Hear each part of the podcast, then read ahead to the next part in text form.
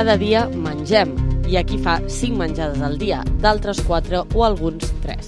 Hi ha persones que prefereixen verdura, d'altres peix i n'hi ha que són més de pasta i arròs. Per molts menjar és una delícia, per d'altres un luxe i per una part de la societat un horror. Els trastorns alimentaris són una malaltia que afecten a moltes persones a la nostra societat. L'ull tarragoní. Capítol 41. D'aquests trastorns en parlem amb Inés Raigón, psicòloga especialista en el tema i membre del Col·legi de Psicologia de Tarragona. Crec que la població en general no és conscient de lo que implica un trastorn alimentari. Normalment ho associem a tindre un pes, a problemes de tonteries, bestieses d'adolescents, però realment no és així. Per començar, hauríem de dir que hi ha diversos tipus de trastorns alimentaris. Tenim l'anorèxia i la bulímia, que és una cosa que tothom coneix, però se'ns oblida que hi ha el trastorn per afartament, que és quan mengem de forma compulsiva, l'ortorèxia, que és l'obsessió pel menjar saludable, la vigorèxia, l'obsessió per, per estar musculat, per estar fort.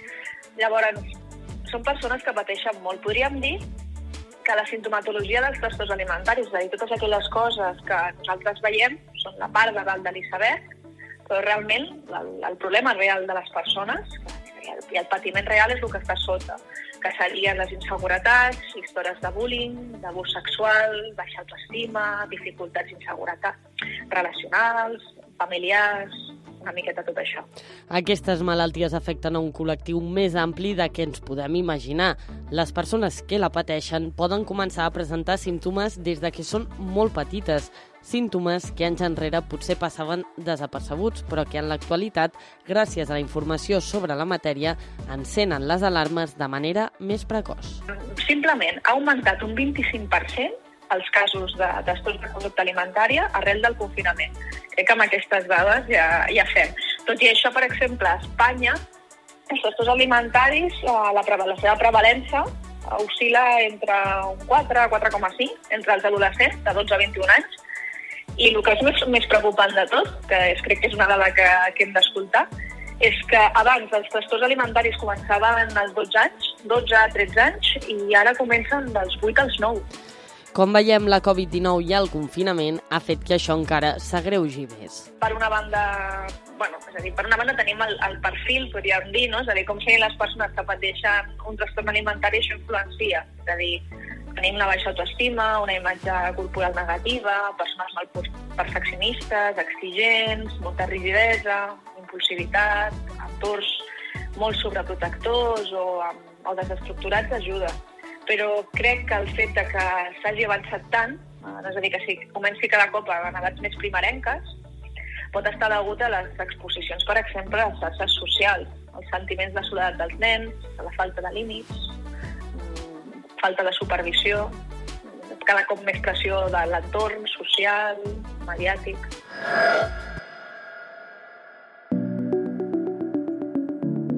La Helen Mercader va començar amb 11 anys a deixar de menjar i això va acabar sent un problema molt important.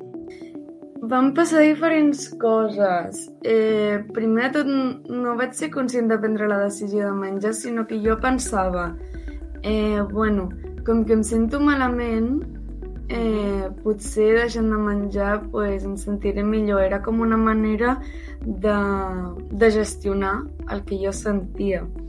I també una amiga meva, bueno, amiga, no molt amiga, em va aconsellar que vomités i per desgràcia li vaig fer cas. Inicialment ho feia fora de casa, però a poc a poc va començar a mentir als seus progenitors. A més, explica que a través d'internet es pot accedir a pàgines web que et diuen i et donen fórmules per, suposadament, aprimar-te.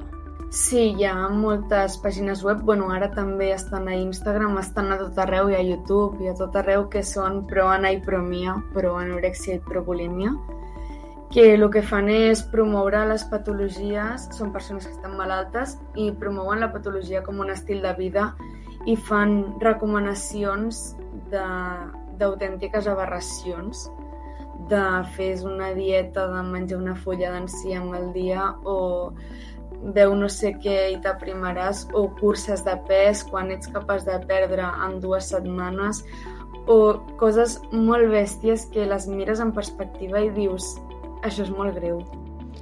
Tot i això, la Helen és conscient que l'entorn també pateix aquesta malaltia i intenta actuar com pot.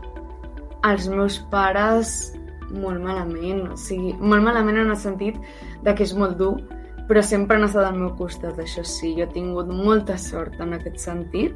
I els amics, bueno, els amics que tinc ara són bastant nous perquè jo he perdut a tots els amics que tenia antigament, o pràcticament tots. Els he anat perdent pel camí perquè, bueno, la gent al final es cansa. Segurament l'entorn més directe per moltes persones són els pares. La Regina Pàmies és la mare de la Marina, una noia que també pateix trastorns alimentaris. No, realment no veus res, perquè normalment eh, són, en aquest cas, eh, la Marina, són nenes perfeccionistes, nenes que estudien molt, que són bones nenes, no porten problemes, llavors no et dones compte perquè com que fan el creixement en aquella edat, eh, ells creixen i bueno, moltes vegades són una miqueta grassonets no? i després pugen i, i s'estiren. No? Llavors, com que ella menjava, no, no te'n donaves compte. O sigui, ella el que feia era que a vegades te deia em quedo dinar a casa d'una amiga i allà és on ella no feia la ingesta o em quedo dormir a casa d'una amiga, llavors és quan ella no menjava, d'acord? Llavors ella mai va demostrar a casa cap, cap símptoma, ni del bullying ni del tema de les lesions, però sí que anava amb màniga llarga, això és un, és un tema que ens en vam donar en compte després, no? que era estiu i ell anava pues, amb un jersenet finet, i clar, era perquè no es vegissin les lesions. Ja fa 9 anys que va començar tot i durant tot aquest temps han viscut diferents ingressos de la seva filla. Quan vas a psiquiatria comences a entrar en aquella porta, no? Eh, ni ells saben, eh, bueno, ara sí, avui en dia ja portem més anys perquè la meva filla ara en té 25 i parlem ja de... que tenia 12, no? Ja fa més de 12 anys.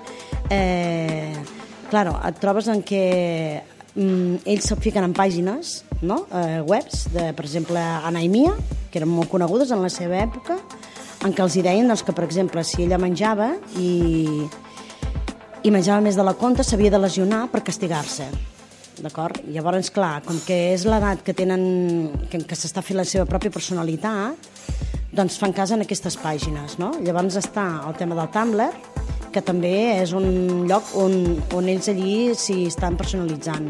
O sigui, és on busquen tots aquell, aquell lloc que són persones com ells que es troben malament. I, i llavors uns els altres se retroalimenten. És, és, és la part en què descobreixes després però no perquè ho sàpiguen els psiquiatres, sinó perquè són els propis eh, pacients els que ho diuen com és, on, on han arribat en allò. O sigui, ells, en un principi és com un joc, no? però després no se'n poden en sortir. Arriba un dia que tot això es fa una muntanya molt gran. Tot cau i s'ha de començar de zero. Sí, sí, llavors ja és, eh, bueno, vas a urgències eh, psiquiàtriques, eh, bueno, eh, l'ingressen, eh, en un principi va estar molts pocs dies, però després ja va haver intent de suïcidi. Llavors, amb l'intent de suïcidi ja va estar pues, un mes i mig ingressada, o sigui, ha portat més o menys des de que portem dels 16 anys fins ara uns 18 ingressos, diferents psiquiàtrics, o sigui, privats i, i públics. I aquí pues, hi ha molt, hi ha molts intents de suïcidis, moltes lesions, moltes depressions, eh, és quan hi troben el trastorn que en diuen trastorn del límit de la personalitat, més després el trastorn d'adaptació, eh, espera, trastorn d'adaptació depressiu agut. Es tracta d'un procés que costa molt, és lent i sempre pot anar acompanyat de recaigudes, però veure la llum al final del túnel és possible. Jo no sóc conscient que hi ha un problema fins molts anys després. En el meu cas va ser una amiga que quan jo anava primer d'ESO, que bueno, es va donar que jo a l'hora del pati no menjava i, i això, i li va dir a la psicòloga de l'escola i aquesta pues, els hi va dir als meus pares però jo en aquell moment no era gens conscient de que a mi em passava alguna cosa i que aquesta cosa era un problema. Jo crec que no he estat conscient de que era un problema fins molts anys després. Bueno, al principi vaig a un psicòleg, i... però no em va anar gaire bé, sincerament. Eh, bueno, era una psicòloga privada i, i la veritat és que jo crec que no tenia massa idea de lo que estava tractant. Són trastorns molt complicats No, que hi ha gent que es cura i això m'agradaria deixar-ho molt clar, que és possible curar-se. Jo no m'he curat encara, espero fer-ho algun dia, però sí, hi ha gent que es cura, jo conec molta gent que s'ha recuperat i és esperançador també saber-ho. La prevenció i parlar-ne obertament consideren que és positiu per poder ajudar a aquelles persones que ho pateixen, però també a les que ho poden arribar a patir. Tot i això, en un moment on les xarxes socials i la imatge té gran pes, fa que sigui encara més difícil poder caure en alguna d'aquestes malalties. Clar, quan jo vaig començar no hi havia Instagram, però està clar que les xarxes socials han afectat i molt, perquè clar, cada vegada hi ha nois i noies més petits amb mòbil, amb Instagram, que jo de vegades flipo, rotllo, nens de 10 anys amb Instagram que penso, mare meva, no? I influencia moltíssim, perquè Instagram és el que diem sempre. Instagram mostra una realitat que no, que no és real. Aleshores, bueno, tu vols arribar a un ideal que, que no existeix que l'Instagram, o sigui, sí que diuen que és el perfil no? en el que tu vols demostrar una imatge del que, del que la millor no ets, perquè realment allí fiquem la fotografia que somriem, la fotografia que estem en una platja, en una muntanya, eh, amb una llibertat, amb una, amb, amb una felicitat, no? que realment tothom no tenim aquesta felicitat. O sigui, tenim felicitat, tenim moments eh, eh de baixón, això tothom, no? Vull dir, és igual que tinguis un trastorn com no. Però amb el que és amb l'adolescència els hi costa molt a ells veure doncs, que hi ha persones pues, que són tan perfeccionistes, no? I bueno, al final també hi ha el Photoshop, no? I fan... El, o sigui, eh, el, les xarxes socials i els, els, el, les aplicacions que tenim avui en dia no? ens fan que ens puguem fer més, una bellesa més maca no? de, la, de la que realment som. No? Llavors, eh, per ells eh, és un moment molt crític, no? perquè l'adolescència sabem que és quan, quan més malament et sents.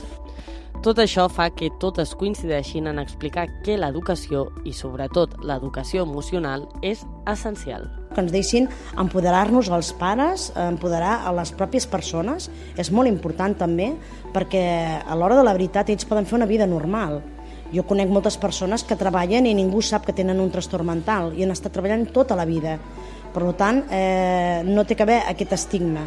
Eh, si nosaltres tenim pues, eh, que ens falta un, una cama o ens falta un peu, eh, la persona pot treballar i, i, i no el discriminen per, pel treball, no? En canvi, una persona, si té un trastorn mental, pues, eh, ja és com que els hi dona por, no? I no hem de tenir por, són persones molt intel·ligents, són les més respectuoses i més empàtiques que pot haver.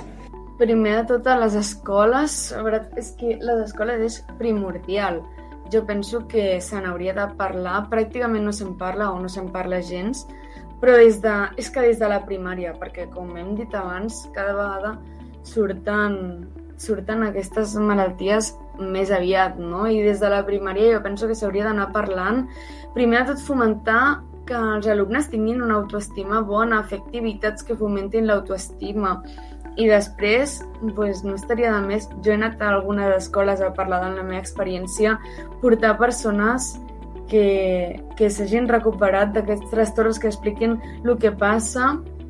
I també, paral·lelament, als alumnes que els professors rebin molta educació sobre aquests temes perquè siguin capaços d'anar detectant possibles casos o inicis de casos que tinguin a les aules per poder actuar i derivar els professionals adequats i avisar les famílies.